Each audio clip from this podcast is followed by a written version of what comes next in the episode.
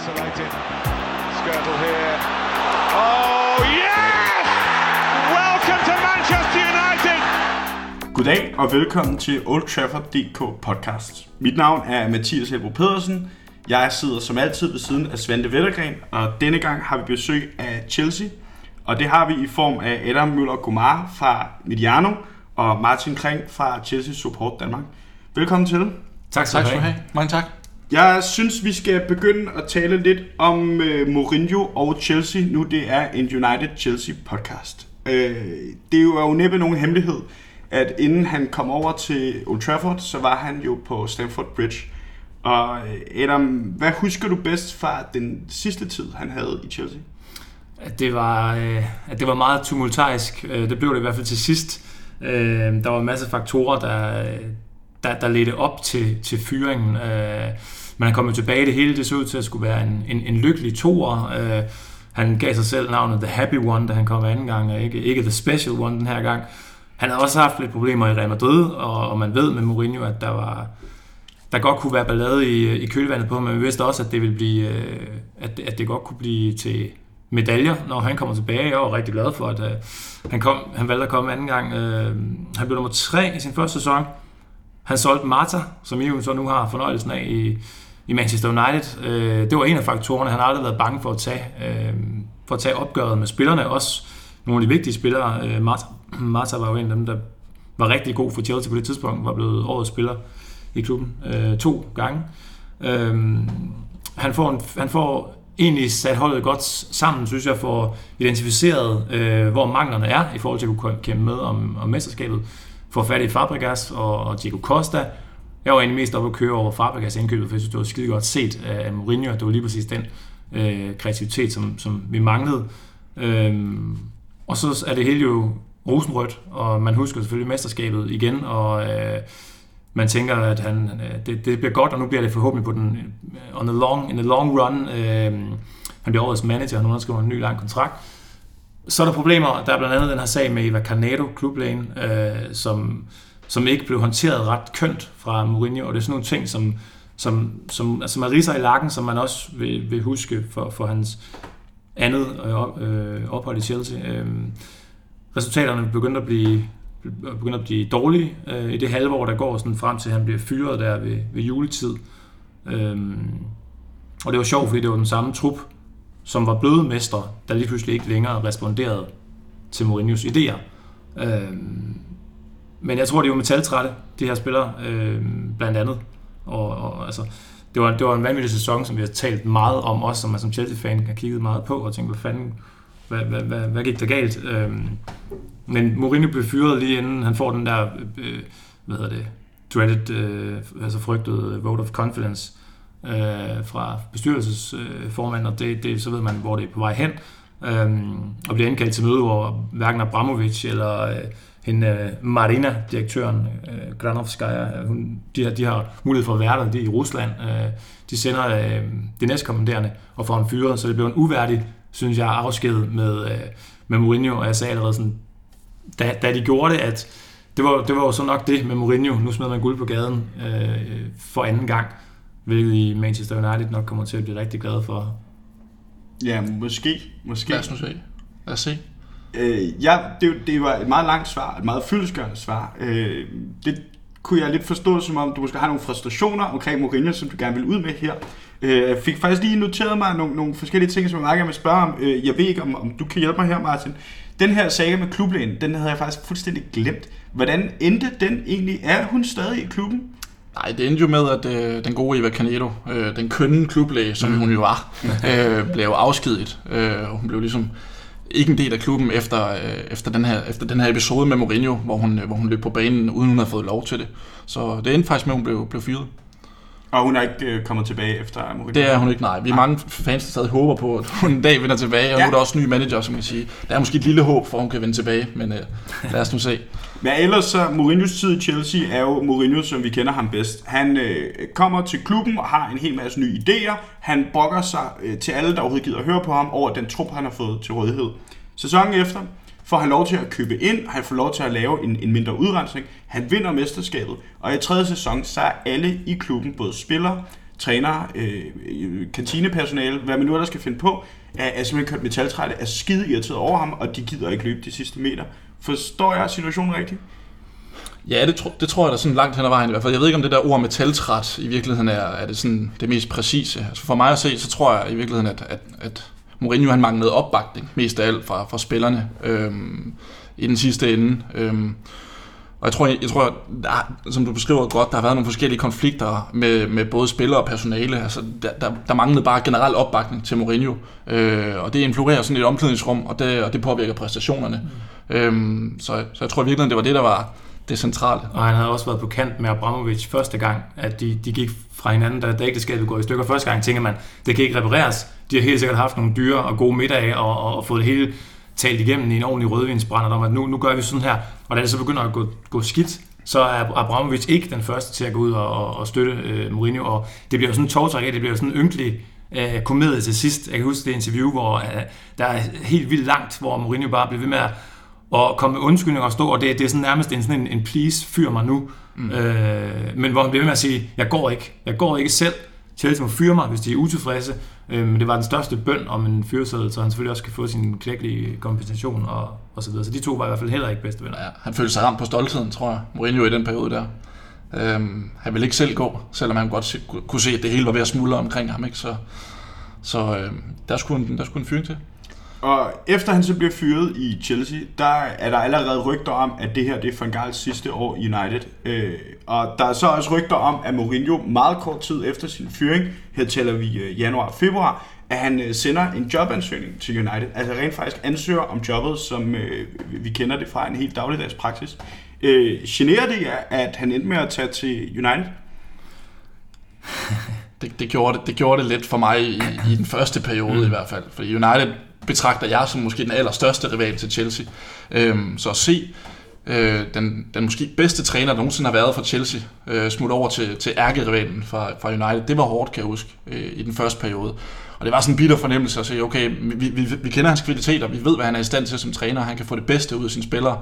Øhm, så det frygtede man jo, at det, det også vil ske i United, og det kan man jo se nu, at det er i hvert fald med pengene i, i baghånden, at det, det bliver at effektuere sig nu, så, så det var en, en bitter smag. Ja, det var hårdt, men man er ved at have vendet sig til tanken nu, synes jeg, når man, når man, når man ser ham der. Okay, han er United manager. Det var et job, han tydeligvis gerne ville have, og som han har drømt om længe at blive den nye øh, Ferguson, tror jeg. Jeg tror ikke, det var sådan noget, han har ønsket, at han kun skal være i, i, i få sæsoner øh, i, øh, i de klubber, han er i, og så, og så bliver spillerne, kører, kører de måske trætte i ham, eller bliver metaltrætte, fordi han vinder jo også mm. i alle sine klubber. Mm. Det tror jeg ikke, han har ønsket. Han vil gerne lave en Ferguson. Øhm, og det kan jo så være, at han får lov. Ja, eller også så vinder vi mesterskabet i år, og så bliver han fyret i løbet af næste år.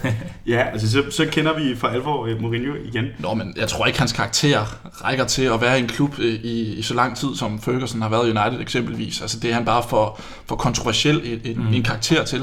Øhm, så det, det tror jeg ikke, de skal sætte næsen op efter United i hvert fald. uh, vi skal tale lidt om uh, Abramovic. Uh, bliver næsten nødt til at spørge, han køber klubben i 2003. Har I begge to med Chelsea inden 2003? Ja, det gjorde jeg. Jeg har, øh, jeg holdt med dem, det er faktisk lidt sjovt, at jeg sidder i den her øh, podcast nu, fordi jeg holdt, begyndte at holde med dem som, som opposition til Manchester United. Fordi at mine kammerater holdt med Manchester United, fordi de havde Peter Schmeichel på mål, og de vandt hele lortet i, i 90'erne og i midten af 90'erne, der hvor de starter. Og jeg kigger på, på engelsk fodbold og bliver fascineret med det samme, som alle øh, mange danske drenge gjorde der, og øh, tænker, jeg, jeg, jeg, vil bare ikke følge med, jeg vil bare ikke følge med strømmen og holde med Manchester United. Øhm, det har også sådan givet sig udslag i, hvem jeg sådan ellers har præferencer for. Jeg, jeg, jeg kan godt lide at vælge en underdog, men det skal må gerne stadigvæk være en underdog, dengang man kan vinde noget. Ikke? Og det er ikke super sjovt at holde med, øh, med Viborg for eksempel, hvor jeg er fra. Men den er ligesom øh, opvokset og, og født til.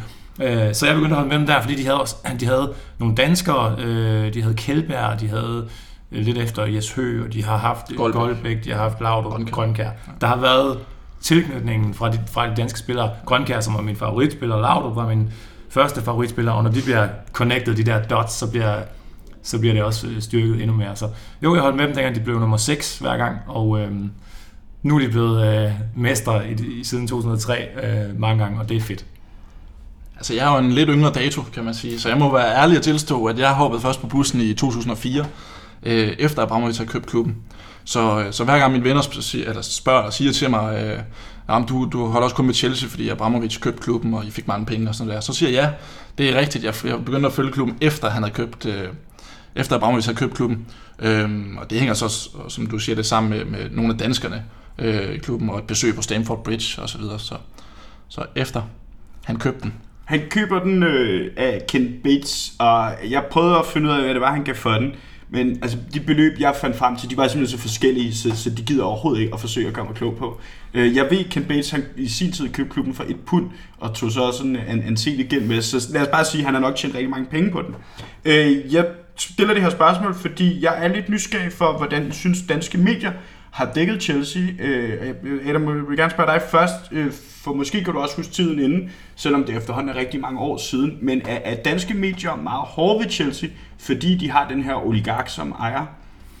Jamen, det synes jeg faktisk ikke, at, øh, at de er. Øh, jeg kan godt se, øh, hvor du hen med spørgsmålet, eller at, at, at der måske har været noget om det på et tidspunkt, øh, fordi de var forgangsmænd. Øh, som klub var det jo første gang, man begyndte at se øh, en, en rigmand, der kom med alle sine oliemilliarder, og, og, og lige pludselig begyndte at kunne spille football manager med et rigtigt fodboldhold, og bare bruge milliarder, poste milliarder ind i projektet, og køre med røde tal, og, og altså, det var ikke specielt det er jo ikke specielt sympatisk, sådan, hvis man skal have den der romantiske tilgang til det.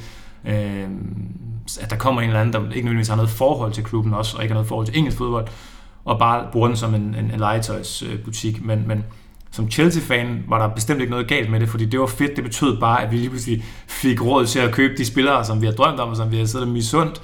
Øh, Manchester United og Arsenal og alle dem, der var gode øh, dengang også. Og, og jeg synes, i de første par år efter 2003, var det købeklub, plastikklub osv., øh, termerne, der blev, der blev kastet op. Så ikke det var så meget fra mediernes side, som det var, som det var fra de andre fan-grupperinger. Der var den nem at skyde efter Chelsea. Mm. Og det er måske mere der, at jeg, at jeg har følt det sådan, at det har været uretfærdigt. Jeg har synes, det var i hvert fald sådan lidt, lidt, lidt trættende at, at, at, høre på, og specielt efterhånden, som årene så gik, og alle fulgte trop, så nu er der bare ikke rigtig nogen, der sådan med god øh, samvittighed, synes jeg, kan sige, øh, Chelsea skal Chelsea er bare mere nederen end andre på den front, og de skal behandles øh, dårligere. Og det synes jeg faktisk ikke, jeg synes ikke, at det der, jeg kan huske sådan fra, fra mediebilledet, at det har været specielt Chelsea øh, ondskabsfuldt. Nej, sådan husker jeg det heller ikke. Øh, jeg husker det ikke som nogen uretfærdig behandling af Chelsea. Altså, der var jo rigtig meget omtale om det her øh, køb fra Abramovic, og det gjorde jo, at, som du siger, i fodboldmiljøet, der, der fik man den der tendens til at pege fingre af Chelsea og sige, jamen, i, øh, i en købeklub, i den, sådan, den første købeklub, der er, og det er grunden til, at I har succes og sådan noget der.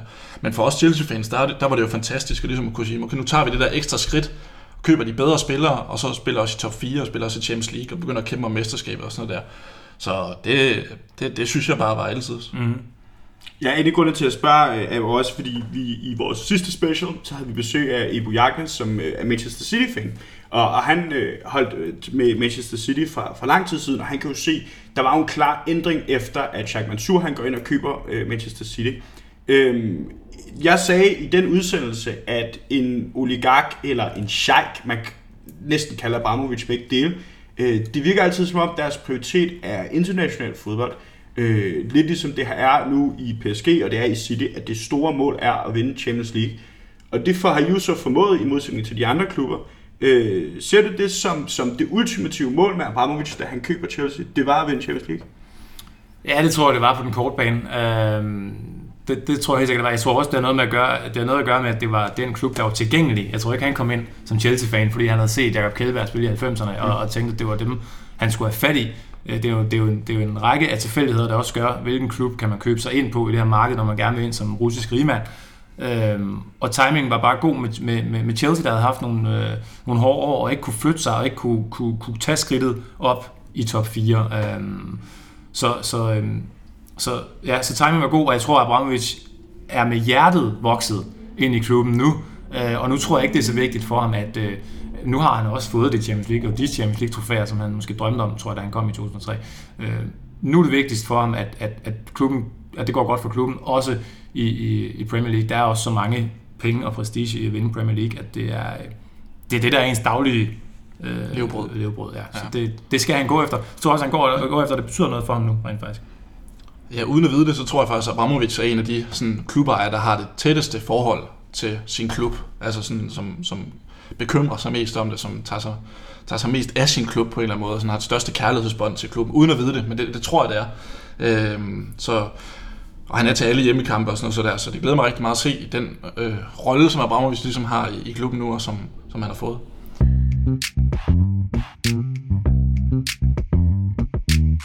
Nu skal vi tale lidt om den seneste sæson. Øh, en sæson, som I vandt, og det gjorde I øh, i Contes første år. Øh, Martin, I spillede jo ikke med i Champions League sidste år, øh, fordi sæsonen inden så blev Mourinho fyret, og øh, der er ikke rigtig, det, I formår ikke at genrejse holdet, der, så I ender i en øh, europæisk øh, turnering. Øh, var det en stor fordel ikke at være med i Champions League? Ja, det tror jeg da helt sikkert, det var. Øhm, og det er jo oplagt at sige, at året forinden, jamen, der vandt Leicester Premier League, også uden at være med i de europæiske turneringer. Så jeg tror, øh, selvom det lyder lidt som sådan en floskel, så, øh, så tror jeg bestemt, det var en fordel ikke at være, øh, være i, i nogle europæiske turneringer og skulle, skulle tænke på øh, at spille i midtugen. Også fordi truppen var ikke sådan helt gearet til øh, at spille i de europæiske turneringer. Øh, så, så det tror jeg bestemt var en fordel. Ja, det er jeg fuldstændig enig i. Det, det, det, det er en, en, en nem ting at hive op, øh, men øh, det betyder noget, at man ikke skal spille øh, onsdag og onsdag, lørdag, øh, øh tirsdag, søndag øh, hele tiden. Øh, det er ikke noget, man skal stræbe efter, når man er en klub af Chelsea's statur øh, og, og ikke skulle være med i Europa. Men det, det faldt godt sammen for Antonio Conte, da han kommer ind der, at, øh, at det var de ikke. Så det var, det var en, en del af, af forklaringen på, at det gik godt, synes jeg, for, for ham allerede. Øh, men jeg synes nu, selvom truppen så en lille smule tynd ud, øh, som du siger, den har ikke været bred nok til at klare en Champions League-kampagne og gøre det godt. Men øh, den var sådan forholdsvis køreklar alligevel, synes jeg. Jeg synes, det var et udmærket hold. Antonio Conte over, øh, overtog, så han skulle, der skulle skrues på nogle øh, knapper, men det var ikke en stor øh, udrensning eller en foryngelseskur, der skulle Nej, var ikke et generationsskifte eller noget på, på nogen måde. Det var, Nej, det var det ikke. Øh, Conte han begynder i Chelsea samtidig med, at Mourinho han begynder i United. Øh, og jeg blev spurgt spørgsmålet om, om, hvem vil jeg egentlig helst have som træner for United. Og der var jeg i tvivl. Øh, jeg synes, Conte var rigtig spændende som træner for det italienske landshold under EM. Og meget af det, han viste der, tager han jo med over i Chelsea. Øh, Adam, hvornår begyndte du at fornemme, at, at Conte var på vej mod noget stort?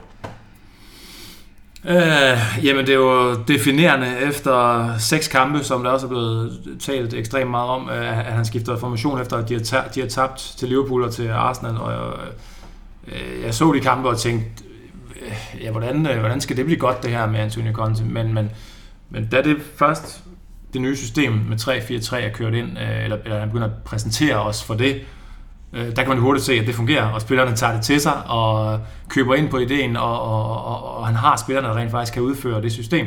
Øh, så det blev hurtigt klart, derefter resultaterne blev sådan forholdsvis øh, hurtigt øh, meget bedre der. Så, så ja, jeg vil sige, øh, nogle måneder, en to-tre måneder inde i hans øh, regeringstid, kunne man godt se, at han måske kunne gøre noget af det, som han gjorde i Juventus også, ud over Italien.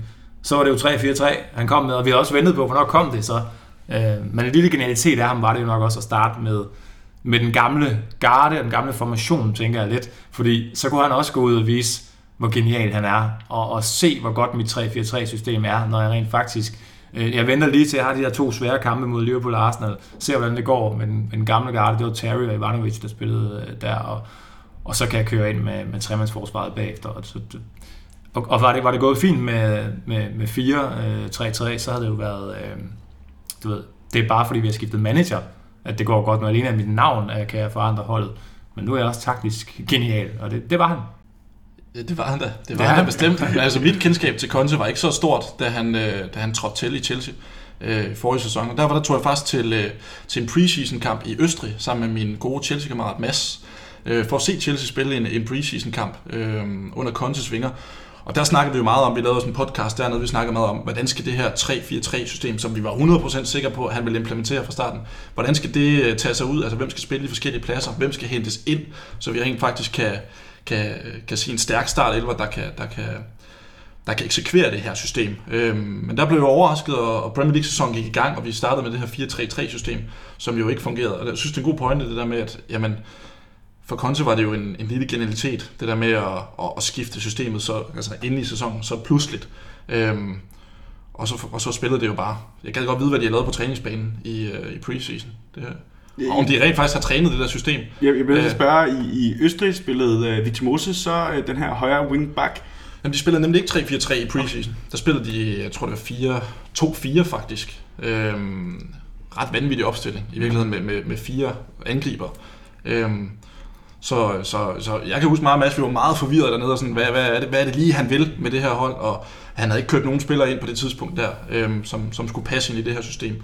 Så ja, men resten er historie, kan man sige. Hvorfor, øh, hvorfor havde Chelsea så mange problemer, inden de skiftede formation? Jeg tror, det, jeg tror, det handlede lidt om, at, øh, at der skulle ske noget nyt. Øh, for Mourinho havde også spillet 4-3-3, og, øh, og det havde de haft succes med, men det endte så med at blive noget, øh, noget, noget snavset, noget, der ikke rigtig fungerede. Jeg tror, der skulle ske noget nyt. Spillerne havde svært ved ligesom at, at kunne udfylde deres roller i det der system. Øhm, Ja, jeg ved det ikke. Har du andre? Ja, men det, det, er også, det, det er jo svært at sige, hvorfor det, øh, hvorfor det gik dårligt inden, men det var vel også en naturlig forlængelse af den elendige sæson, øh, som de havde haft øh, inden. Det var et, et, et hold, der var ramt på selvtilliden, og som ikke havde nogen grund til at spille fantastisk fodbold. Øh, selvom han kommer der, fordi han netop ikke fra starten af kommer med revolutionerende nye idéer og, og nye spillere. Der, der, der sker ikke ret meget på foran. Der er nogen, der bliver frosset ud på grund af det nye øh, system. Da han så endelig skifter, øh, så var der ikke plads til Oscar, og, og det er igen det her opgør med de store spillere. Det, han var også du ved, gik ud og sagde til, til Terry, du er stadigvæk vigtig. Du er vigtig at have uden for, øh, for banen, men du kommer ikke til at spille en stor rolle i det her system. Øh, det synes jeg var ret modigt af ham, men, men øh, ja, hvorfor det gik dårligt inden, det, var, det tror jeg var, fordi holdet var, øh, var øh, på, et, øh, på et lavpunkt. Og så, og så gjorde han jo så. Han havde jo ligesom de to muligheder for at være genial. Enten kan jeg få det til at fungere alene på navn, eller så har jeg den i baghovedet. Nu kører vi 3-4-3, og du gør vi det. Og nu slipper han det aldrig igen. Nej, det, det kan jeg også godt forstå. Det virker også som om, han er inspireret som en hele Europa nu. Øh, selv, selv det danske U21-landshold. Øh, øh, vi alle spiller 3-4-3, og, og det virker som om, det var i virkeligheden ham, der begyndte med det i sin tid Juventus til det italienske landshold, og nu Chelsea. Øh, jeg kunne jo så også stille spørgsmål om, hvorfor var I så gode, efter han skiftede system? Ja, fordi, han, fordi spillerne købte ind på ideen, og han havde, øh, han havde tre gode forspillere. Man, man, jeg, jeg talte om det i den seneste Mediano PL med blandt andre Alan Kuhn, øh, omkring netop den her dille, som du også siger det. Nu ser man fandme, at alle hold spiller 3-4-3, og øh, det er helt ned til serieholdene, så, så kigger de på Conte og på, på de andre, der, der gør det. Jeg lavede en optælling og så, at øh, 7 ud af 20 hold i, i Premier League her i weekenden havde spillet med 3 nede bagved. Så kan man kalde den 3-5-2, eller hvad man kalder den øh, deroppe af, men 3 nede bagved, det er ligesom konceptet, og Kuhn snakkede om. Det er jo ikke nyt, man har gjort det med Libero og Sweeper, da han selv var, øh, var spiller, men man skal, have, man skal have spillerne til det. Man kigger på sin trup og siger, har jeg mere end to gode midterforsvar, for ellers skal jeg overhovedet ikke overveje det. Og han havde masser af gode midterforsvar, blandt andre en, en Andreas Christensen, som også kan fungere fint i det her system. Øhm, og at, at han så opfinder Moses og, og Alonso på de to vingbakker, er, er der også blevet skrevet og talt meget om, men det var vildt overraskende, at de kunne udfylde de roller. Han troede jo heller ikke selv på, det kan også være derfor, han var lidt langsom om at komme i gang med det system. Han troede ikke selv på, at Moses var god nok defensiv øh, til det her. Han havde samtaler med ham, hvor han siger, øh, jeg ved, du, du er god mand mod mand offensivt osv., men du skal vise mig, at du kan gå ud og dække op, hvis du skal være wingback i Chelsea. Og han var ved at, blive, var ved at være færdig i Chelsea. Der var ikke rigtig nogen fremtid for ham. Han sagde, så, så giv mig den wingback, det skal jeg nok, og det kan jeg godt klare, og det har han så vist.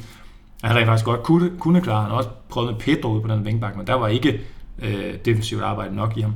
Så spillertyperne passede også bare systemet. Ja, jeg tror, at Conte på rekordtid formåede ligesom at lære øh, spillerne deres roller i det her system. Øh, for det gik jo bare altså sådan der med knipstag, ikke? Så, så spillede det nærmest fra, fra dag et. Øh, og der er han jo bare en fantastisk træner, der er han jo bare en fantastisk motivator, og han har sindssygt meget kvalitet. Øh, så øh, så det, det var...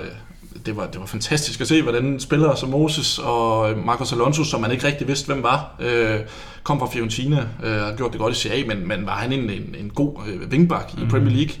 Øh, og ja, han var bak, han var bak, ikke? Han var bak, og, og, og Moses var offensiv, markant. Ja, ja. Det giver ingen mening. Ja, jeg synes netop, de to spillere var helt sikkert dem, der imponerede mig ja, mest. Ja. Jeg har aldrig været imponeret af Victor Moses. Øh, jeg forstod simpelthen ikke, hvorfor I købte ham i sin tid. Og da han så først blev placeret ude på den her wingback, der var jeg simpelthen nærmest færdig af grin. og nu kan I alle andre så grine af mig, fordi han gjorde det bare godt. Altså, han ja. gjorde det virkelig godt. Der er noget speed i ham, og som du selv siger, Adam, han, han er jo så også begyndt at kunne finde ud af at, at dække op. Øh, og det er vel også en af grundene til, at det ikke er en position, hvor I har forstærket ham markant. Ja, de har let efter en, så jeg tror stadigvæk ikke, at han, nu de fået sig Costa også, der kan dække den, og jeg tror ikke, at han øh, er helt, jeg tror, jeg tror ikke, Konta er helt tryg ved ham stadigvæk, Moses. I hvert fald ikke en, øh, på, på, lang, på den lange bane og i Champions League og så videre og så videre. Nu var han god nok til at kunne vinde øh, mesterskabet derude der, men, men jeg, jeg tror stadigvæk heller ikke helt på ham. Jeg tror næsten ikke på det, vi så i den sæson. Jeg tror ikke, han kan holde det niveau. Så, så øh, i min verden, så skulle man måske prøve at køre Aspilicueta derud, fordi Ivanovic havde ikke øh, kvaliteter, han havde de defensive kvaliteter, men havde ikke nok offensivt derude. Det har Aspilicueta fremragende, både defensivt og, og offensivt. Så han vil jeg egentlig hellere se derud, og så bruge nogle af de mange dygtige midterforsvar. Ja, der, der er måske ikke helt enig. Jeg synes, at Aspilicueta er virkelig vigtig inde i det der midterforsvar. Han, han øh, travler virkelig meget op øh, sådan, offensivt fra, fra modstanderne, så, så jeg vil måske hellere have ham derinde centralt, mm. og så vi stadig kigger os om efter en verdensklasse højre vingbak. Jeg er heller ikke øh, overbevist omkring Moses, men man må også sige, at han er også kommet OK for land i den her sæson, så hvis han kan fortsætte, så, så, så har det fint med det ham, der spiller den, og så ja. er det Koster, som kan spille nogle, øh, nogle af de andre kampe også. Så, så det, skal, det skal begynde sådan at knække lidt, filmen skal knække lidt for Moses, inden vi sådan skal lave om på det, synes jeg i hvert fald. Men han ville rigtig gerne have haft en erstatning for ham, ikke? Han var ude og byde på flere, øh, blandt andet Rafinha fra Bayern, øh, til den der vingbak, og, og ender så med Sara Costa fra Torino, som er sådan en liten, okay, så der bliver det en bredde spiller, så får Moses lov at beholde den. Men øh, lad os nu se, han, det han gjorde der, det var fantastisk, så det skal han selvfølgelig bare fortsætte med. Ja, og det andet indkøb, vi slet ikke har nævnt endnu, det er jo en øh, god Kanté, som jo også bare passer helt perfekt i det her system. Mm. Øhm, nu var det så Martins, han spillede sådan af i sidste sæson, men, øh, men han, han er jo han er jo kul værd for et hvert fodboldhold. Du kan sætte ham ind på hvilket som helst fodboldhold i verden, og så øh, kommer han til at dominere den midtbane der. Så, så det er jo for mig at se også måske øh, den, den allervigtigste nøgle til, at, øh, at det her 3-4-3-system fungerede fra starten af. Mm. Ja, det er også bemærkelsesværdigt, at øh, Kanté han er den første spiller nogensinde til at vinde Premier League to år i træk for to forskellige klubber. Og det siger jo også rigtig meget om hans betydning for de hold, han har spillet for. Først Leicester, og så efterfølgende Chelsea. Ham er jeg også virkelig imponeret over. Vi, vi skal lige kort tale om de to kampe, I spiller i Premier League mod United sidste år. Den første vinder I 4-0. Øh, senere skal vi også tale jeres bedste og værste oplevelse. Det er nok min værste oplevelse mod Chelsea. Øh, jeg genså highlights øh, fra den kamp, inden vi begyndte optagelsen, og vi blev simpelthen udraderet på alle, på alle ledere og kanter. Øh, specielt Pedros mål, hvor bolden bare bliver spillet frem og tilbage, fuldstændig uden nogen øh, øh aggressivitet fra United-spillerne. Virkelig et, et, et trist, trist, trist nederlag. og så efterfølgende, måske sæsonens bedste kamp, øh, 2-0 på Old Trafford, og Ender Hedera simpelthen er, er alt overskyggende i den kamp, og øh, det er her, hvor at Zlatan øh, er, er god i den her periode, men alligevel så smider Mourinho så Rashford ind. Hvad, hvad sker der fra den, øh, fra den første kamp og til den anden kamp? Den første er i oktober, øh, altså på Stamford Bridge, og jeg mener, den anden er i marts. Vi siger marts. Hvad, hvad sker der imellem de to kampe? Jeg tror måske ligger kampen ikke lidt senere end marts. Var det ikke en af de sidste kampe? Øh... Den på Old Trafford i hvert fald, og taber 2-0. Jeg er ikke sikker, men, øh, men du spørger om, hvad der skete i perioden der imellem. Øh, jamen jeg tror altså, at Chelsea... Ja, Premier League er, er altid lidt mere intensiv, synes jeg, det første halvår, øh, hvor det ligesom handler om at, at komme bullerne fra start og sådan noget der. Det, det gjorde Chelsea efter, efter de fik lavet den der formationsændring, så vandt de 14 kampe i træk, der er blandt kamp mod United selvfølgelig. Øh, og fik skabt sig et forspring. Og, og der, sker et eller andet med, der er sket noget med, med Chelsea nogle andre sæsoner, hvor vi har haft et forspring, og så møder nogle store hold, så giver vi lidt afkald på nogle kampe. Og det tror jeg lidt, vi gjorde i den der kamp mod, øh, mod United på Old Trafford. Det var sådan, okay, men det var egentlig okay at tabe den kamp, da det betød ikke så meget igen. Øh, for jeg kan huske, vi havde et relativt stort forspring på det tidspunkt. Så, men jeg ved ikke, hvad, jeg ved ikke, hvad... Ja, så er der selvfølgelig det, det der med, at, at de andre hold har haft længere tid til at forberede, hvad, hvad var det Conte, han ramte Premier League med, og han tog måske i virkeligheden lidt fusen på folk, der efter de første øh, seks runder er spillet, og han kører over i, i, i 3-4-3-systemet, og at det fungerer så godt. Og det er jo United jo også blevet ramt af i deres, øh, i deres første kamp. Så det er jo selvfølgelig også et system, som man kan forberede sig på, og som man kan komme med nogle modsvar øh, til. Og det har, øh, det har United også en dygtig nok manager til, at, øh, at det har han selvfølgelig forberedt dem på til, til kamp 2. Ja, som, jeg, som jeg husker kamp 2, så, så var det også Chelsea-hold, som slet ikke var der. Altså, det var, der var ingen spillere, der ramte niveau, og der var ingen, der viste, øh, at de ville vinde den her kamp. Øh, så det er jo selvfølgelig også en forudsætning for, at man kan, man kan gøre det godt. Øh, at, at man rent faktisk vil det. Og der kan jeg huske at tænke sådan, ah, hvad, hvad sker der lige her? Er det bare sådan en kamp, man smider, og så siger, okay, så, så, tager, vi, så tager vi tre point i den næste. Det var sådan lidt, jeg tænkte i den kamp der. Jeg kan ikke huske, hvem der kommenterede den for dansk tv. Jeg kan bare huske, at øh, en af kommentatorerne sagde, at det var den første kamp, han nogensinde havde set med Kanté, hvor han ikke holdt niveau. Øh, og det tror jeg egentlig også var for mit eget vedkommende den eneste kamp, jeg indtil har set, hvor han simpelthen bare virkelig falder igennem. Øh, han kommer alt for sent ind i taklingerne, og så vidt jeg husker, får han også et meget mystisk gult kort, hvor han kommer meget sent ind, noget man ellers normalt ikke ser fra ham. Det understreger vel også hans, øh, hans kæmpe betydning for, for en klub, at når han daler i niveau, så falder holdet med ham, og ja, jeg er også vild med Kanté. Jeg er også på, på, på The Bandwagon der. Der var også en grund til, at det er hans plakat, jeg har hængende ude på, oh, ja. på væggen. på Mediano også. Nå, den er kommet med. Den er kommet med Mediano. Ja. Ja, I hørte det først her. Men det er i Leicester-trøjen, ikke? Det er en Leicester-trøje, den er blå, så det er fint nok.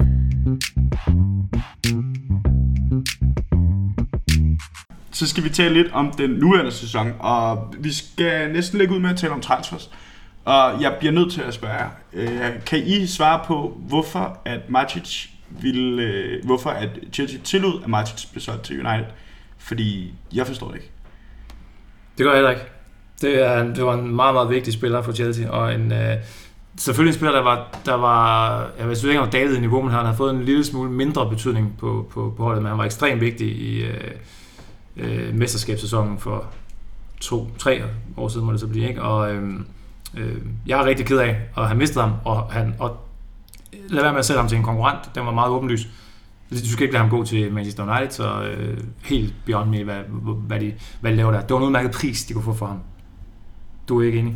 Jo, jo, jo. Det var en fin pris. Men Juventus var jo også interesseret i Ja, ham. skifter man Jamen, hvorfor til- i alverden ryger, ryger han ikke til Serie A, i stedet for til et United-hold, som er, er på vej til at top. Altså, det, Og som det lige præcis manglede den brik. Så giver du Mourinho den sidste brik i Ja. puslespillet. Jeg ved ikke, om Conte troede, at uh, Bakayoko bare var uh, dobbelt så god som Mm. Martic, eller, hvad- eller hvad der foregik. Det var, det var helt hen i vejret i hvert Ja. fald. Det er jeg i hvert fald ikke overbevist om endnu, at han er den gode Bak Bakayoko, at han skulle være så meget bedre. end- Ikke nu og her i hvert fald. Der er potentiale.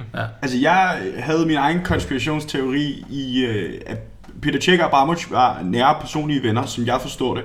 Og da han så bliver slået af af Courtois, så siger han, han vil gerne til Arsenal, han vil gerne blive boende i London, og så der Abramovic, der siger, det må du gerne, du har været øh, en, en øh, stolt, stolt figur i klubben i så mange år, det giver vi dig.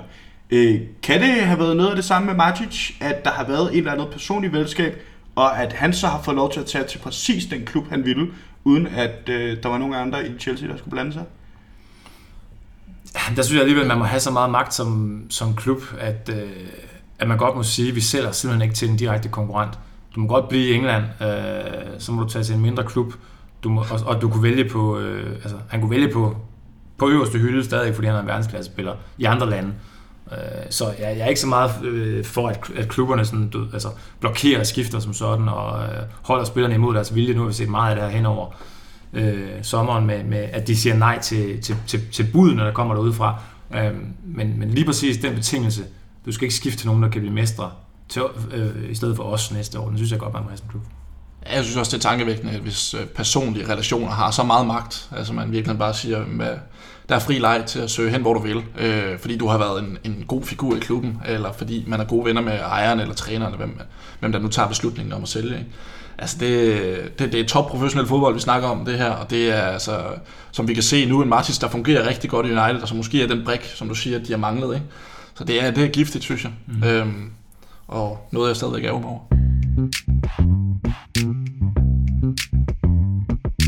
Ja, vi, jeg skal høre jer, øh, den bedste spiller for jeres sidste sæson, øh, hvem mener I det var? Kan se? Så siger jeg Hazard. Og det er jo så to spillere, der stadig er i truppen. Øh, er det nogle spillere, som I forventer får en lige så stor rolle i den her sæson? Ja, jeg forventer, at øh, Eden Hazard han tager yderligere et skridt op. Jeg synes stadigvæk ikke, at han er... Øh, jeg synes ikke, han når sit maksimale potentiale.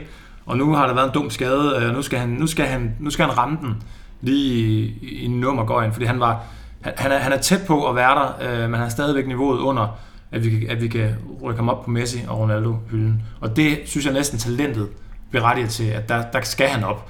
Øh, han skal være lige så målliderlig som Ronaldo. Han skal lave mål. Han skal skyde på mål, manden. Han, han, han, kan, han kan rykke forbi folk. Han kan, øh, han kan gøre, hvad han vil mange gange. Og, og, og mange gange, der bliver han for uselvisk. Og, og når han har scoret en gang, så er han tilfreds. Han skal ville jagte det næste mål hver gang, og han skal op og lave mere end... Øh, hvad, hvad lavede han sidste år? 9 eller sådan noget? Jeg ved ikke engang, hvad han lavede. Ej, Premier League-mål. Ja. Han laver mere. Så han Ja. laver 14-15. Nå, så 14, 15, Ja. Han skal lave... Hvad, hvad Ja, laver de andre? De laver, de Ja, det skal han, men det, men det er ikke Premier League, Nej. han kommer til det. Det tror jeg ikke. Altså, Ja. fordi du kan se, Ronaldo og Messi, de laver jo astronomiske øh, mængder af mål. Det, det, det kommer man altså ikke til. Du har Harry Kane, som selvfølgelig laver tonsvis af mål hver eneste år. Men Hazard er en anden spiller. Han er kant. Øh, og godt nok er han målfarlig, men, men jeg tror ikke, det bliver Premier League, han kommer til at, at, at bevæge sig op på den der hylde, som vi har de andre store, øh, Ronaldo, Messi, Neymar, hvad de ellers hedder. Men han har talentet til det, og så Ja, skal, det ja, han, han. bare, og så skal han bare lade være med at være så, være så tilfreds og gå rundt og, øh, og høre sit øh, hiphop i sin Beats by Dre og, og, og lade skægget gro lidt for længe. Nu skal han, nu skal han fandme mande sig op, og så, og så han, at det, Jeg tror- talent forpligter, er der nogen, der også engang har sagt, ikke? Og det, det Jeg tror de, måske, han- selv bestemme, om han gider at udfylde det talent, men han har det. Han har mere. Ja, det er der ingen tvivl om, han har. Men jeg tror måske, han hviler lidt for meget i hans rolle i Chelsea. Fordi han har jo den der fuldstændig frie rolle, hvor han nærmest skal gøre, hvad der passer ham. Det kunne han både under Mourinho, men også under Conte. Og det, det hæmmer ham måske i virkeligheden lidt, at han, øh, at han bare er så fri. Altså han kan gøre øh, nærmest hvad der passer ham på banen. Altså, jeg ved ikke, om der skal, der skal, om man skal have nogle bedre medspillere, eller, eller hvad der skal til. Ja, eller skifte til Spanien. Skifte til Spanien. Så, kan han lave 35 mål. Jo, det kan han godt. Det kan jeg godt. Ja. De andre erstatninger, I har hentet, øh, der, der er jo en, en, en længere række. Bakayoko, der er Drinkwater, der er Rødiger, der er Sabacosta, der er Carbonello. Øh, jeg synes måske, at nogle af de her spillere, de er lige på hylden under, hvad man kunne forvente, at Chelsea ville hente. Martin, du nikker. Ja, det er fordi, jeg er fuldstændig enig. Øhm, og selvfølgelig var der brug for forstærkninger, der er brug for forstærkninger, fordi vi skal ud og spille nogle flere kampe, vi skal ud og spille Europa. Øhm, men jeg tror, at Conte han har den startelver, han rigtig gerne vil have, og man kan sige, hvorfor også lave om på noget, som fungerede rigtig, rigtig godt i sidste sæson, og som gav os mesterskabet. Øh, og man kan, man kan også se, det, det er mere eller mindre de 11, der er startet i den her sæson også. Øhm, bortset fra Morata måske. Ikke? Men, øh, men ellers så er det spillere til bredden. Øh, Det er spillere, som skal aflaste de her øh, profiler øh, i de lidt mindre vigtige kampe, hvis der findes sådan nogen i hvert fald. Øh, Drinkwater, altså mm. det er sådan, åh, det er en blød mellemvare, ikke? Mm. Og det samme med Sabacosta, man har ikke rigtig hørt om ham før. Øhm, og hvem var der mere? Rydiger. Øhm, har heller ikke præsteret på topniveau endnu, så det er sådan lidt mest til bredden, som jeg ser det. Helt sikkert. Backup keeper i, i Willi. Øh, Bakayoko til, til fremtiden også. Øh, men Drinkwater unødvendigt øh, indkøb, unødvendigt spild af penge på sidste. Men der skal også være nogle englænder i klubben og sådan noget. Det er måske noget med... Der er måske noget, men jeg tror, at hans pas øh, i hvert fald gjorde en del for, for at han blev købt. Morata er det eneste klasseindkøb. Øh, det mener jeg øh, stadigvæk er på Chelsea-hylden. Sæsonstarten indikerer i hvert fald, at han godt kan tage det skridt op fra øh, at være indskiftningsspiller i Real Madrid til nu pludselig at have ansvaret være første valg. Der er ikke engang nogen Diego Costa, der presser dig. Der er en Batshuayi, der øh, forestiller at skulle, skulle presse dig lidt. Øh, men øh, ja, jeg har lavet vedmål om, øh, om Morata, at jeg giver ham 30 starter, så laver han 20 mål. Øh, nu må vi se, du siger det er... Jeg har lavet et vedmål om, øh, med en om, at han laver over 28 mål i 28. alle, i alle turneringer. Ja, sådan, ja, men det er også meget. Det, Ja. det, Hvor- Hvorfor lige 28? Og det var bare der, vi landede, tror Okay. jeg. Ja, Ja. jeg tror, han sagde 30, jeg sagde 25, og så landede vi et eller andet sted midt imellem. Øh, imens I har hentet alle de her spillere ind, så har I solgt øh, talenterne Nathan Ike og øh, Chaloba. Chaloba? Chaloba, Ja. Chaloba, ja. Øh, begge to med engelsk pas. Øh, så vil jeg stille jer samme spørgsmål, som jeg gjorde, da vi øh, havde Silje på besøg. Jeg hører rigtig meget om Chelsea's Akademi, rigtig meget om de penge, der bliver lagt i det. Men det er svært at se talenter, der finder vejen helt op til førsteholdet, og de her to er jo så eksempler på nogen, der er englænder, men som bliver solgt fra. Mm. Men jeg synes også, de havde øh, brugt så mange år på at overbevise om, at de var dem, der skulle kunne gå hele vejen. Og, og, og de havde fået de chancer, de skulle, og det, det kom ikke til at blive Chelsea-niveau. Det tror jeg ikke, det gør. Øh, Chalobah har fået en fremragende start i øh, Watford og kommer til at være en dominerende faktor der. Det kan også godt være, at han så kan tage et skridt op igen, men jeg tror ikke, at det bliver sådan en, som man ser Pogba, øh, som United laver, sætter ham afsted, og så kommer, de, kommer Chelsea til at købe Chalobah om øh, nogle år for 900 millioner eller noget i den retning. Jeg tror, han er på det leje, som er lige under, under øh, Chelsea-niveauet, og ja, Arke får de øh, 170 millioner for, tror jeg, til, at, at Buddha Bournemouth, og, og udmærket solgt og, og, og, og komme af med dem. Det eneste var, der talte for dem, var, at de var englænder. Men ja, akademiet, selvfølgelig vil man gerne se akademispillere øh, lave en John Terry. Øh, det er bare svært. Det, det er lidt vildt, fordi uh, du siger det selv, man bruger så mange millioner på, på et akademi, ikke? På, på talenterne. Men, men snoren, den er så kort. Altså, der er ikke lang snor, når man skal op på førsteholdet og vise sig frem. Altså, så er det nogle få kampe, man får til at vise sig frem. Og hvis man ikke lykkes der, så bliver man lejet ud til Holland, eller mm. lejet ud til en championship-klub, øh, og så ender det lidt i noget, noget øh, sådan blød mellemvare. Ikke? Altså, så, så det, det er også svært at slå igennem, må vi også sige, i forhold til, hvis det var en eller anden liga, men man fik chancen i, så, så var der sikkert længere snor. Og han ville gerne se han Antonio Conte. Han, han, han, han, han fik selv debut for Juventus, da han var 16, og, og siger derfor, jeg har lært det, jeg har følt det på egen krop som ung spiller, du, du skal have chancen, du skal have en manager, der, der tør, og om han har en spiller, der er 36, som kan gøre jobbet for ham, eller han er 16, siger han, i princippet er lige meget for ham. Øh, så hvis han skal følge op øh, på det, så må han også måske bruge nogle af dem, som han, han har jo haft nogle af dem med på bænken i nogle af kampene, nogle af de, øh, de unge gutter.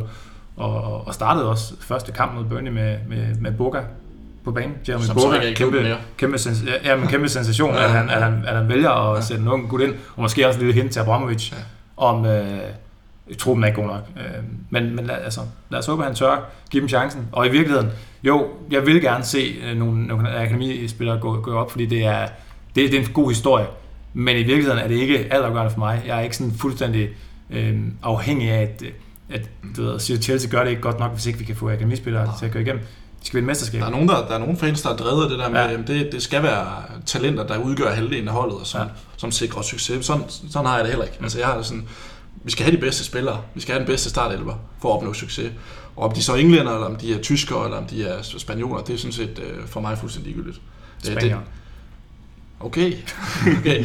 Nej, men selvfølgelig, det er altid en god historie at kunne sige, at ham der har vi selv opfostret, ligesom John Terry, men der, de findes bare ikke i, i særlig stor grad. Jeg skal bare lige høre som en afrunding på øh, transfers. Øh, ville I helst have haft Lukaku eller Morata? Adam? Morata selvfølgelig, fordi- fordi nu er han der, så det, nu bakker vi op om ham, der er der. Øh, Lukaku havde også haft chancen i Chelsea. Det er fint nok. Lukaku er en bedre angriber lige nu. Det er han, og, og United købt øh, også et stort skridt, en vigtig brik i forhold til mesterskabskampen med ham.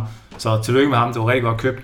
Jeg var egentlig glad nok for, at Chelsea ikke fik ham, fordi vi har set ham i Chelsea, og, og, og jeg, vil godt se, jeg vil godt se noget nyt. Jeg kan godt lide spanske angriber. Øh, så en ny, en ny sådan Torres-lignende øh, frontangriber for Chelsea. Morata, fedt. Torres-lignende? Det er helst ikke der, vi skal hen, er det det? Nej, men jo, men jeg er jo, jeg er jo sindssygt stor fan af Fernando Torres. Ja. Han må godt præstere bedre i Chelsea ja. End Torres. Det er han så også godt på vej til. kan Det er han på vej, det er han allerede gjort. Er nu har han gjort. det bedre. Ja, det er helt vildt. Martin, øh, Lukaku eller Morata? Jeg er lidt på bølgelængde med Adam, det må jeg sige. Uh, Lukaku, han har, uh, han har fået sin chance. Han er godt nok blevet en, en markant bedre angriber nu. Uh, har bevist i Premier League, at han kan score over 20 mål. Men uh, jeg synes, Morata, han, uh, han koster også lige det mindre. Uh, det kan vi selvfølgelig også uh, bryste os af. Vi har ikke brugt lige så mange penge, som Manchester United har. um, men jeg tror på, at han kommer til at lave 20 plus uh, mål i Premier League. Han er en klasseangriber. Det er han. Um, Og potentialet er Og- og- stort og- også og- til, at han kan nå Ja. Lukakus niveau, og måske endda... Ja, og så fungerer han rigtig godt i spillet med, øh, med de andre offensive i, kanter i Chelsea. Hvor jeg tror måske, Lukaku vil være, have lidt sværere ved at indgå i relationerne med, med Hazard og Pedro Villar. Jeg ved det ikke, det, det er også øh, ja, gidsninger, men jeg tror på Marta. Indtil videre scorer han mange mål på, på låget, ikke? Det, er det, det er det, han har Åh, ja. scoret på. Ja. Og det, der er han jo god, når, de, når indlæggene ligger til ham også. Men det bliver spændende at se, om han... Fordi også i, øh, i Juventus og Real Madrid har han jo ikke været vant til... Øh, og, eller har han i hvert fald ikke været så dygtig til at indgå i det her småspil. Der er nogle af, de her kantspillere i Chelsea, der gerne vil spille rundt, og der må vi se, om, om Morata er dygtig nok til det, eller han bliver sådan en, en tank, der skal sigtes ind efter. Men øh, jeg håber, at han kan, han kan vise, øh, at han er god med, med fødderne også. Han er en god afslutter, det vil sige det. Madrid. Jeg synes, han har været, han har været god i relationen i de første kampe her. Conte har været god til at, at, at give ham forståelsen af, hvordan, hvordan man skal spille. Øhm, så det, det ser positivt ud. Jeg tror også, øh, jeg bliver nødt til at spørge om, om Andreas Christensen. Øh, hvis I nu skulle tage de mest kritiske briller, I overhovedet kunne på, hvad er så jeres forventninger til ham i den her sæson, hvor der allerede nu er et par spillere, der har været i karantæne i midterforsvaret? Mm, med de kritiske briller, så, så er Rydiger foran ham, og øhm, så får han øh, Carabao Cup kampene og nogle indskiftninger i Premier League og runder en maksimalt øh, 15 kampe, tror jeg. Så, fordi han er stadigvæk øh, så tæt på holdet, at han vil få sine minutter og allerede også fået det, eller været med i næsten alle kampkampene. Så det er sådan det mest kritiske. Jeg synes faktisk også, du er meget kritisk. Ja, men det var for at Ja. lege, lege virkelig Ja. Jones advokat. Og det er heller ikke det, jeg tror, der kommer til at ske. Det Nej. kommer til at gå bedre. Meget bedre. Hvorfor skal vi sidde og være kritiske? Jamen, det er bare, det, er bare det, det der, den danske vinkel, ja. Hvor at så kommer vi til at hylde vores talenter alt for meget. Vi talte lidt om Pierre Emil Højbjerg, inden øh, vi begyndte på optagelsen. Så jeg vil bare have et kritisk blik på, og hvor meget Andreas Christensen kommer til at spille.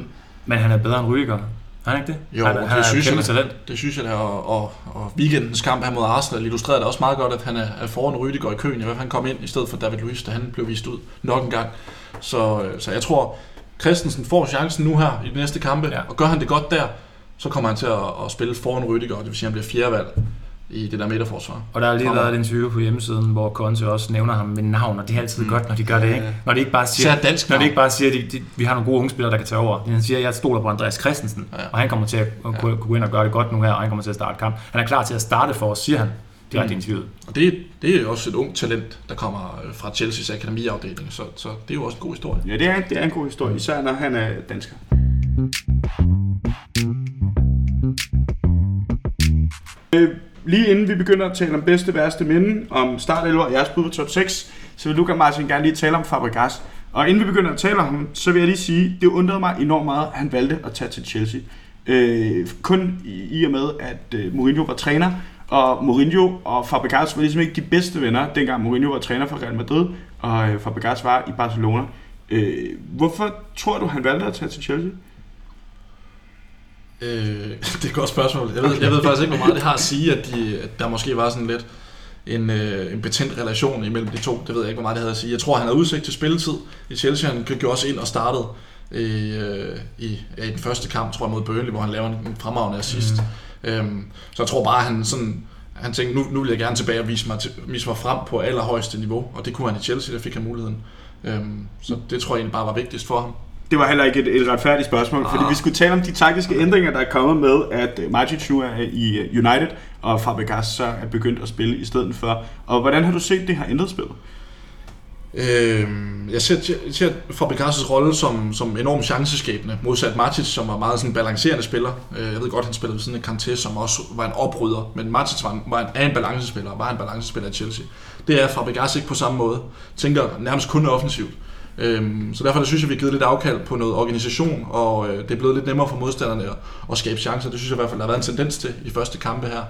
Øhm, hvorimod at, at, at Fabregas så bare øh, ja, skaber helt vildt mange chancer, øh, og vi har også lavet OK med mål, synes jeg. Ja, så det, det, det, det er sådan en lille taktisk øh, ændring, han i hvert fald har lavet Conte der, i stedet for at spille med ja, Bakayoko eller Drinkwater, som også er den der balancerende spiller, så har han valgt at bringe Fabregas permanent. Ja, ja. jeg er også stor tilhænger af, af Fabregas, og, og den første sæson, han havde, fantastisk. Han laver 18 assist, ikke, og er øh, lige så vigtig som Costa i, i, for, for det mesterskab. Øh, jeg synes, det er fedt, når han er startet. Jeg er altid glad, når jeg ser Fabregas' navn. Jeg tænker, okay, han har valgt ham igen. Også selvom det er en udekamp, der er lidt tricky og sådan noget. Mm. Men, jeg, men jeg er egentlig tilhænger af, at han så måske i virkeligheden gør det, når for eksempel vi skal til Old Trafford, så der ikke virkelig løber ind i sådan en 0-2 øh, bøf der igen, at, at, han, at han kører Bakayoko øh, og Kanté, og gør det endnu mere, at gør det kompakt, og så kan Fabregas spille alle hjemmekampe og øh, udkampene på nær mod de fire bedste. Jeg tror mod, øh, mod Tottenham i øh, kampen på Wembley, vi vinder 2 der rykker han Fabregas op som en af kanterne, øh, så han virkelig bliver en af de tre forreste, og så spiller Bakayoko sammen med Kanté derinde. Øh, det er jo også en mulighed, man, man kan gøre. Øh, han er i hvert fald bare kan vi konstatere, super vigtig for Chelsea lige nu. Øh, utrolig chanceskabende. Ja, og har tredje sidste fod på alle dem, man ikke har næste sidste fod på. Ja, hvis han ikke selv scorer. Hvis han ikke selv scorer. God spiller.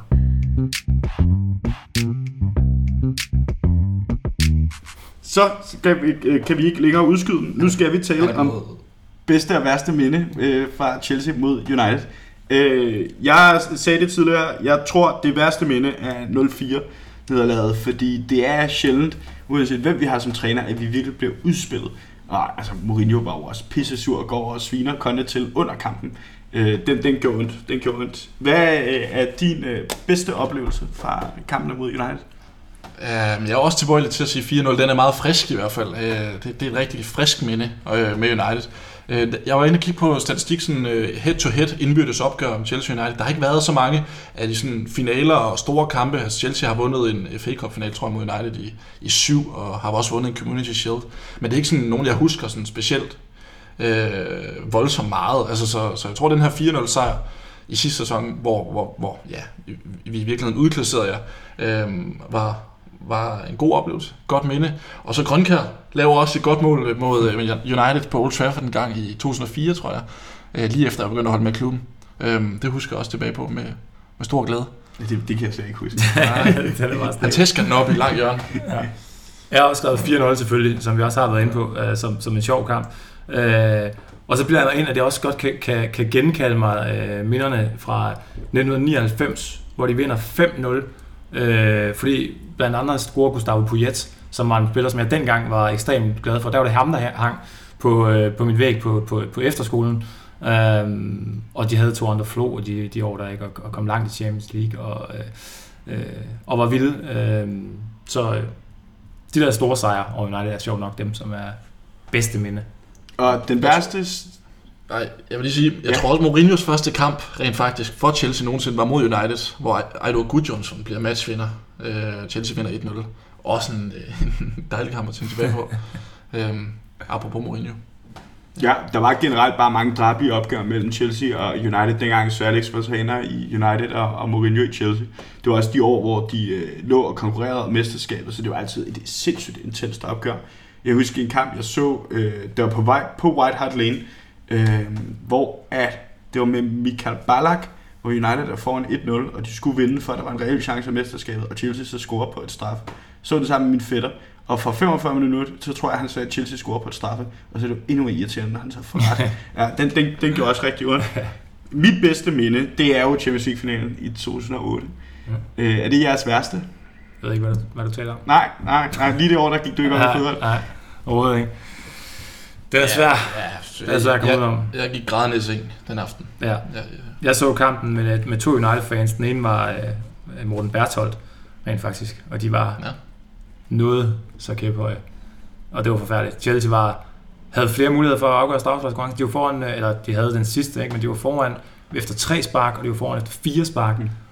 Altså, den, den, den øh, ja, det var forfærdeligt. Og, og når, det, når det er John Terry, der ender med at, at glide, så er det irriterende. Og, øh, og at det er Nikolaj Anelka, Det var, som det ikke, som det ikke betyder Ja. en skid for, da han brænder. Jeg tror, at Anelka er sådan en type, der var fuldstændig ligeglad med, hvilken trøje han havde overhovedet. Og der havde han så tilfældigvis en Chelsea-trøje på, sparker sådan lidt halv-arrogant fransk, øh, og, og, og, og brænder. Og så lidt, du koster, du koster lige en Champions League øh, triumf der. ja, det var i virkeligheden eftervirkningerne af det her nederlag i Champions League-finalen. Det her med Terry, han gled, som, hvor vi bare skulle høre rigtig, rigtig meget i rigtig lang tid øh, omkring det her med, at han gled og kunne have sikret os Champions League-trofæet for første gang der i 8. Ikke? Så, så det var bare øh, ekstra bittert. Altså, Ja. trist, trist, trist aften. Sort aften. Øh, jeg, jeg kan også huske øh, Fernando Torres afbrænder på Old Trafford. Ja, Øhm, Der blev også det grinet er også, meget. Der blev også grinet meget, og det er Ja. også sådan et, et, et, lidt træls, men lidt skidt minde. Øhm, det var godt nok Der var- det der var en stor chance. ja det var, det var ret stor.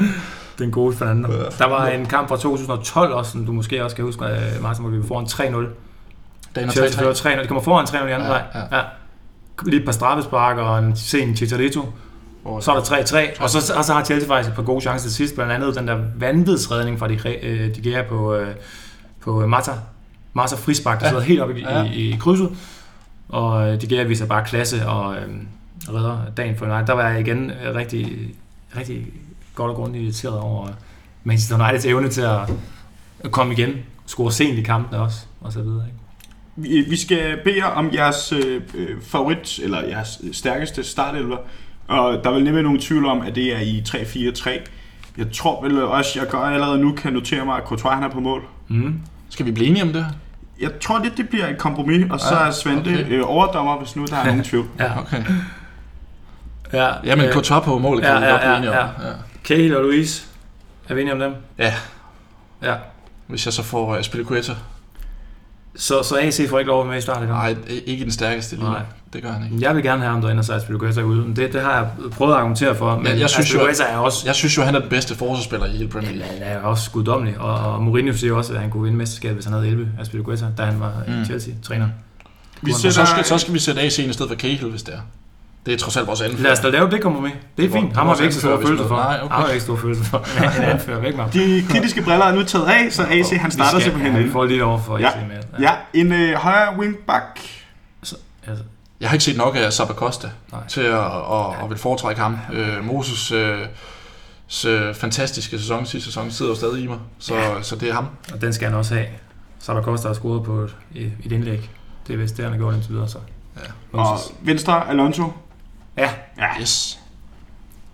Det er jo et øh, helt fantastisk øh, udvikling, han er gået igennem, øh, Ja. ja. og hvilken spiller han er blevet til. Ja. Ja. Virkelig vanvittigt. Altså, Hvordan, jeg- øh, ja, han er blevet så sådan, målfarlig øh, ja. venstreback. Ja, Det, det, det, det, må man virkelig sige. Altså, Ja, jeg ja. følger meget med i europæisk fodbold generelt, ikke kun i Premier League, og jeg kendte ham ikke. Og det er godt nok sjældent, der er en spiller, synes jeg, at en spiller bliver købt til så stor en klub, hvor jeg aldrig havde hørt om ham. Øh, Det var enormt flot set, må man sige. Ja. Som den centrale midt, så er en af dem, er, hedder i hvert fald øh, Kanté ja. Og Fabregas. og Er Fabregas. Nu har vi Fint. ham. 100. Ja. Så er det de tre forreste. Der kan vi måske blive uenige, det ved jeg ikke. Om Ja. to af dem. Jeg har, Alvaro på top. Ja, Ham noterer vi først. Yes. Så vil jeg godt have en Hazard i topform Ja. med os. det er, en, det er Ja. Så, så Han, sp- han spiller som øh, sæk kartofler lige nu, men det er så også, fordi han lige er vendt tilbage fra skade. ja, det men, kommer. Og så det den kommer. eneste, der kan være tvivl om, det er Willian eller Pedro. Øh, jeg, jeg kan huske, jeg havde en lille snak med, min, med, med vores tidligere chef, Jes Holm Andersen, ude på Discovery, Ja. omkring om Pedro ville blive god for Chelsea eller ej. Da de smuttede ind og, snu, og snuppede ham, var det, var det ikke for snuden af United? Jo, det Ja. var det. Det var det. Øh, og jeg sagde, det synes jeg er et meget godt indkøb. Jeg tror, han bliver okay. God, spil, god trupspiller, der godt kan, kan, kan pike. Når han piker, så kan han godt levere et stykke arbejde for Chelsea. Det synes jeg faktisk, han har gjort. Taget arbejdsstøvlerne på. Jeg kan godt lide ham, men vil gerne bedre, fordi han er en klassespiller. Han er en af de bedste spillere, Har. Jeg ville have sagt Pedro. Du Det, sagde Pedro. det er simpelthen fordi, han er, han er bare blevet bedre og bedre, og Ja. blevet mere og mere vigtig for holdet. Øh, hvor jeg synes, Willian øh, er dalet lidt i niveau, efter han havde den der fantastiske sæson, hvor vi var i krise, hvor han jo virkelig var, ja, den øh, eneste. var profilen, der, Ja. der leverede. Ikke? Jeg synes Øh, også, han gør i år. Indtil videre. Men synes der har vi det to rigtig gode. Ja, det gør han også. Kan vi spille med dem begge to? Ja, vi kan godt, det, det kan vi godt gøre. Vi gør en undtagelse. Ja, men det, er det er jo rent faktisk den, det, altså lige nu det eneste sted, hvor der er lidt uh, tvivl om, hvor, uh, hvor og hvem der skal spille. Ikke? Ja. Altså, Ja, det må man sige. Øh, så skal vi prøve lidt det samme med jeres bud på en top 6. Og det bliver også en øh, form for kompromis. Øh, og Må jeg ikke tage med den her startelver? Fordi der skrev jeg jo også til Svante inden, øh, mener, du, mener du en all-time startelver? Mest fordi jeg bare håbede på, at han, at han sagde, at det var det, han mente. Øh, må jeg ikke bare lige prøve hurtigt at tage den? Jo, selvfølgelig. All-time startelver. Du, må- du må gerne byde ind, hvis du har nogen. Det er selvfølgelig Jeg- mest ud fra, hvad man kan huske. Hvad man kan huske. Vi ved ikke, altså, der, der er gode spillere, der hedder øh, Peter Osgood og Peter Bonetti og sådan noget. Ja, hvis Dan man læser op på Petrescu, Chelsea-historien. Dan Petrescu Dan. Petrescu er, han er ikke med på holdet. Ah, Øh, det synes jeg er en skam. Øh, Jeg har altid været United-fan, Ja. ja. men i min folkeskoletid, jeg var så vild med Dan Petrescu. Og jeg var faktisk lidt i tvivl om, øh, om højre øh, bakken. er Sean Rod Phillips med? Nej, det er, det er det. Men han, han, vi sætter Petrescu på.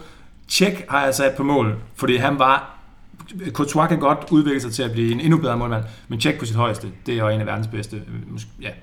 Han kommer ind. Øh, Terry skal være der. Marcel Desailly, klasse, klasse Milan øh, spiller ja. Ja. med Costa Curta. Baresi tog sin klasse med til, til, til Chelsea. Jeg snakkede med Mads Juncker den anden dag, som havde været øh, i, til det der Start Sixes Mm. og spillede mod Desailly der. Ja. Og, og, og jeg tror så, at han har fået hans trøje. Og den skal jeg have fristet ud af Junker på et tidspunkt. Det var, Altså Star Sixers trøjen. ja, han har fået, ja, han har fået det, men han har bare fået en, en trøje, som det ser svedt i. Jo jo. Ja, det er da flot. Du kan altid udfordre ham til poker, hvis det er. Ja, yes. Ja, lad os gøre det. Øhm, hvem har jeg mere skrevet? Jeg har Højre bak. skrevet To mange ting. Ja, Petrescu. Petrescu, Det sådan. der. Ja, Yes. Den har jeg også... Vi har haft, haft, ret mange dårlige højrebacks. Øh, Belletti, Bosingva, øh, Ferreira, Ivanovic. Ferreira, Ivanovic. Han kunne også godt tage en højreback. Jeg har faktisk altid været glad for Ivanovic. Ja. Nu har jeg det er skrevet det, Petrescu det er på. Petrescu. en klubmand. Okay. Ja. Jamen, Og, og, og man må meget gerne gå ind på, øh, på for eksempel Medianos Facebook og skrive, hvis man er fuldstændig uenig i de navne, jeg siger her, så tager jeg den lige med i en, i en uh, Mediano-udsendelse også på et tidspunkt. Ja, jeg Hvis skal der, nok... hvis der er nogen, jeg har Øh, glemt fuldstændig. vi, Øh, vi så også for at skrive den her ned, og så linker til den, så den, så Ja. den rigtig kan blive debatteret. det lyder godt. Vi mangler en venstre bak. Øh, mangler vi venstre bak? Nå ja, det er fordi, jeg kunne ikke... Ja, Lesso. Lige så. Hvem? Graham Lesso. Det er før din tid. Nå, Det er det, det, det, der det navn, var- der er svært at udtale. Det var er den, svært jeg... at skrive. ja, også, ja. men det var den, jeg var... jeg med mest Ashley Cole? Hvad med Ashley Ja, Cole? og det, var, det var jo også Cole, jeg, jeg, jeg havde Ja. som udfordrer til ham. Men jeg synes, hans navn er flottere. Ja. Øh, og det er nok den, jeg kommer til at høre for, at jeg skulle have taget Ashley Cole der. Midtbanen kan jeg ikke tvivl om. Claude Makalele. Yes. Også fordi jeg har det her ømme punkt for hårdt arbejde midtbanespillere. Ngolo, selvfølgelig. Hvor kommer der en dansker? Essien. Nå, det var faktisk den måde, jeg havde tænkt på at løse højre bakken. Fordi Essien var nede og spille højre bakken i nogle omgange også. Øh, så, så der havde jeg tænkt mig, at man skal tage ham ned, så der blev plads til midtbanespiller mere. Men han var jo midtbanespiller. Frank Lampard, ikke så overraskende. Øh, måske kun Brian Robson, som I også kender, der var lige så god til, øh, til de her dybløb ind i feltet. Ja. Hazard, han skal på. Han er der, og han tager et skridt mere over de næste par sæsoner. Og så Gianfranco Zola, Ja, selvfølgelig. Øhm, Didier Drogba, der også er blevet for et par sæsoner siden kåret til den bedste spiller i Chelsea's historie overhovedet. Og så skrev jeg bare lige en masse bobler. Poyet, Di Matteo, Flo, Jimmy Greaves, som ingen kan huske nu, men han scorede altså næsten 40 mål per sæson i fire sæsoner. Hvad med Jimmy Floyd Ja, Hasselbank? Hasselbank var også ind over min... Øh, jeg var stor fan af Flo, men han var jo aldrig lige så god en angriber som Hasselbank. Så Hasselbank skulle også have været der. Øh, Udover Fernando Torres, som jeg altid har elsket, så elsker jeg også Hernan Crespo. Det er mine to yndlingsspillere. Og Crespo var jo også i Chelsea. Og det er altså bare så smukt, når ens yndlingsspillere ender i den klub, som man også holder med. Ja, han var Hvor- ikke hvor- bare rigtig- ikke helt... Nej, jeg, jeg holder også min Parma ud over United, Ja, ja, så så jeg har også sammen. virkelig en kærlighed til Crespo. Ja. Og da han også vendte tilbage dertil, der var heller ikke øh, rigtig noget tilbage Nej. i ham. Nej, det var det ikke. Jeg var, men jeg var stadig lidt sur på Ranieri, tror jeg det var på det tidspunkt, at han blev ved med at vælge Gudjonsson, som vi også har været inde på, øh, og så øh, Hasselbank, som var lidt for nedadgående, så vidt jeg husker der, og han havde faktisk Crespo og Mutu som et alternativt mm. par. Dem, de to vil jeg hellere Kan, kan du huske, hvem der var reserve for de to? Og serve Michael Forsell? Nej, Mathias det, Kessmann. Det er meget, det er meget uh, tidligere. Mathias ja, Kessmann. Kessmann, det er rigtigt. Ja, Udmærket angriber også. ja. Dygtig. Det var han da. De har, fandme, de har godt nok mange Michael gode. Forsell. Ja. God Nej, jeg gamle, god gamle finde. Ja, ja, lidt for tidligt. Det var, det var tidligere end Cashman. Ja. Ja. Nå, men det var i hvert fald dem. Ja, Du har så skrevet- der du-. Ja, jeg har ind. Du, har- du har jeg- skrevet nogle worst. Jeg har skrevet, men jeg nåede ikke worst 11, men jeg kan Ah. bare tænke på, hvor mange, at der også har været nogle ret dårlige spillere for Chelsea. Blandt andet Steve Sidwell mm. og Jiri Jadusik. Et Degoy. Jeg synes, det er lidt unfair, at Josh McEachran, han har havnet på den her liste. Han er en ung talent, som fik chancen, Ja. men som bare røg han var- røg afsted ligesom alle var andre. med også Ja, han dårlig. var dårlig. Ja. Øh, Asia Delorno har også været af halvsløje spiller. Det var det. så, har vi, Det var bare det, så har jeg vi ikke haft flere dårlige spillere. Nej, nej. Nej, det var, det var dem alle sammen. Ja. Ja. Men det, der er godt nok mange ombud til, til de der... Jeg tror altså Bedste ikke, 11. der er nogen andre end dig, der ikke vil have taget Todders med på den liste over worst. nej, det er der ikke. Det er der ikke. Nej, men han, han har så stor en stjerne i min bog, så øh, jeg kan slet ikke huske, at han brændte den der mod United. Skal vi prøve at lave en top 6? Ja. Ja, lad os det. Og hvis I nu starter med jeres 6. plads. Arsenal. Jeg har også Arsenal. Ja, Øh, ja, altså, hvis man skal begrunde det, så, så, så rykker de sig bare ikke under Wenger. Og øh, nu er han blevet, og nu skal de døje med ham i, i to år mere. Undskyld til Arsenals fans. Jeg kan stadigvæk godt lide at se Arsenal spille, men øh, De spiller alligevel for første gang i mange år en taktisk, veldisciplineret kamp mod Chelsea Ja. her i weekenden. Det er jo sådan noget, der kan, ja. kan give en lille smule håb for Arsenal-fans ja. om, at, at de måske kan, kan lave noget stort. Men altså, af de her andre, af de her andre hold, der, der ligger de nummer 6. ja. Men det er vigtigt, hvis de er blevet bedre, hvis de har vokset med opgaven i forhold til de, til de store kampe altså mod, ja. Mod konkurrenterne. Og det er Ja. jo måske noget, der kunne tyde på. Ja. Alligevel har vi dem dernede. Det er godt, vi er enige. Sådan er det. Start med Liverpool. Femmer. Jeg har Tottenham som femmer. vi sætter Liverpool. Sådan. Ja. Så Og- skal vi også have øh, Så skal Tottenham vi så have. Tottenham, ja. Ja, det, det er kompromiset. Godt. Tottenham så nummer 4. Øh, jeg, der har været enormt mange øh, øh, meninger om Tottenham og White Hart Lane øh, i forhold til, nu spiller de jo så på Wembley. Øh, da vi havde, vi havde Jonas Fibo inde, blandt andet, da vi øh, havde øh, besøgt Arsenal i vores Arsenal Special, og han, han, var, han var egentlig ikke sikker på, at det ville være så stor en ulempe. Øh, nu har vi så Tottenham inde, og, og Tottenham mente, at det ville være en stor ulempe. Der er rigtig mange delte meninger om, hvad kommer det til at betyde. Hvad tror I? Det ser ikke ret godt ud indtil videre jo. Nej. Det, øh, jeg tror ikke på forbandelser, men det er, det er derhen af, at der måske i hvert fald sidder bare en lille bitte fli af, af tvivl i baghovedet nu omkring den der bane, og så er det det, som alle pointerer. Det er en øh, pokalfinale, hver gang de andre hold kommer. Mm. Det er ikke en hjemmebane, fordi de andre hold har også mange fans med, og det at spille på Wembley er kæmpe stort for mange af klubberne, som oplever det den ene gang, at man spiller ude mod Tottenham, og det er en meget valid pointe, synes jeg. Altså, jeg tror heller ikke på forbandelser. Til gengæld vil jeg så sige, at nærmest alle øh, fodboldfans er overtroiske på den ene eller anden måde. Mm. Øh, mystiske ritualer og hvad man ellers kan finde på. Og jeg vil sige, øh, jeg synes efterhånden, der begynder at være noget om det. Det virker som om, at de har det svært. Især fordi alle bliver ved med at nævne for dem, at de har det svært. Ja. Ja, det kan sagtens være, det er fordi, man dyrker det øh, i så stor stil. Men man må også bare sige, at altså, de har måske spillet 10 kampe nu på Wembley, øh, hvis man tager deres Champions League-kampe med i sidste sæson. Øh, og jeg ved ikke, om de måske har vundet to eller tre Ja. kampe ud af de 10 der. En. Øh, Tror jeg. En mod Dortmund, så vandt de over Barnsley i Carabao Cup'en i går. To, så Øh, tror jeg. jeg så, tror, så måske to har de vundet, ikke? Og i forhold til deres statistik der på White Hart Lane sidste sæson, der hed 17-2, øh, tror jeg det var, 17, Mhm. mm. så har to uafgjorte. Så er det bare noget helt, helt andet. Og Tottenham lever af deres hjemmebane. Det gjorde de i hvert fald sidste sæson, og det er derfor, de har været med i toppen de sidste par sæsoner, ikke? Så man kan ikke, øh, jeg synes ikke, altså med det vi har set, kan man bare ikke tillade sig at have Tottenham i top 2 for eksempel. Øh, Nej. de skal måske nok hente flere point på udebanen, men jeg tror, de får det, de får det svært. Selvom det er godt at se Christian Eriksen tage endnu et niveau Mm. øh, op ja. fremragende. Men de, de sniger sig med i top 4, Ja, det vi er så gør de. blevet enige om, Det er åbenbart. vi blevet enige om. Nummer 3. Ja. Du, har- du har, du har ikke, jeg har Chelsea der. Du er lidt mere optimistisk. Ja, for jeg har et vedmål med en kammerat om, at Chelsea skal ind over United. Øhm, så, så jeg er nødt til, jeg er nødt til simpelthen at have dem over øh, United. Så Ja. jeg siger United 3. Men den eneste grund til, at de beder os om at lave den her liste, det er fordi de vil have, have os til at sige Manchester United øverst. Altså, nu, Så- nu så læser er jeg vores bud op til sidst, Okay. og øh, I så Vi bliver er ikke blevet inviteret herind for at please dem. De folk, der er ved det. Nej, det er vi ikke. Altså, du satte den Petrescu på højre bak, og det, og det er nok til mig. Altså, I må gerne sige, at United bliver træer, hvis, hvis det er det, I kan blive enige om. Øh, jeg, har, jeg har dem som toer, men, men med, med, med meget gerne indgå et kompromis, så vi kan få Chelsea op på anden plads. Mm, lad os gøre det. det. Godt. Og så har vi Chelsea på andenpladsen, og så er der jo desværre kun et hold tilbage. Mm. Mm. Everton vinder Premier League.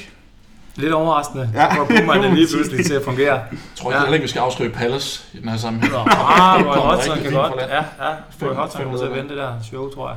Nå, men jeg, jeg tror godt, jeg kan tillade mig at læse øh, den her op. Arsenal 6'er, Liverpool 5'er, Tottenham 4, United 3'er, Chelsea 2'er, City 1'er. Og så skal jeg lige øh, læse op, hvad to af Old Travers skribenter gættede på, at stillingen ville blive. Vi havde Liverpool som 6'er, Arsenal som 5'er, Chelsea som 4'er, United som 3'er, Tottenham som 2'er, City som vinder. Mm. Jeg tror øh, næsten alle, udover jeg, har gættet på, at United vinder.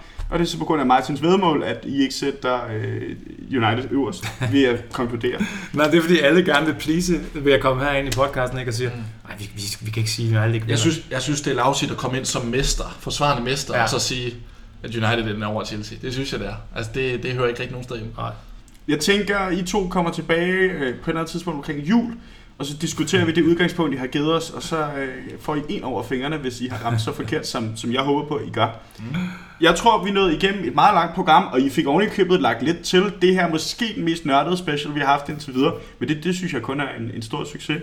Så jeg vil meget gerne takke vores to øh, debattører i dag, Adam Møller Gomar fra Mediano og Martin Kring fra Chelsea Support Danmark. Jeg hedder Mathias Helbo Pedersen. Programmet er som altid tilrettelagt og produceret af Svante Vettergren.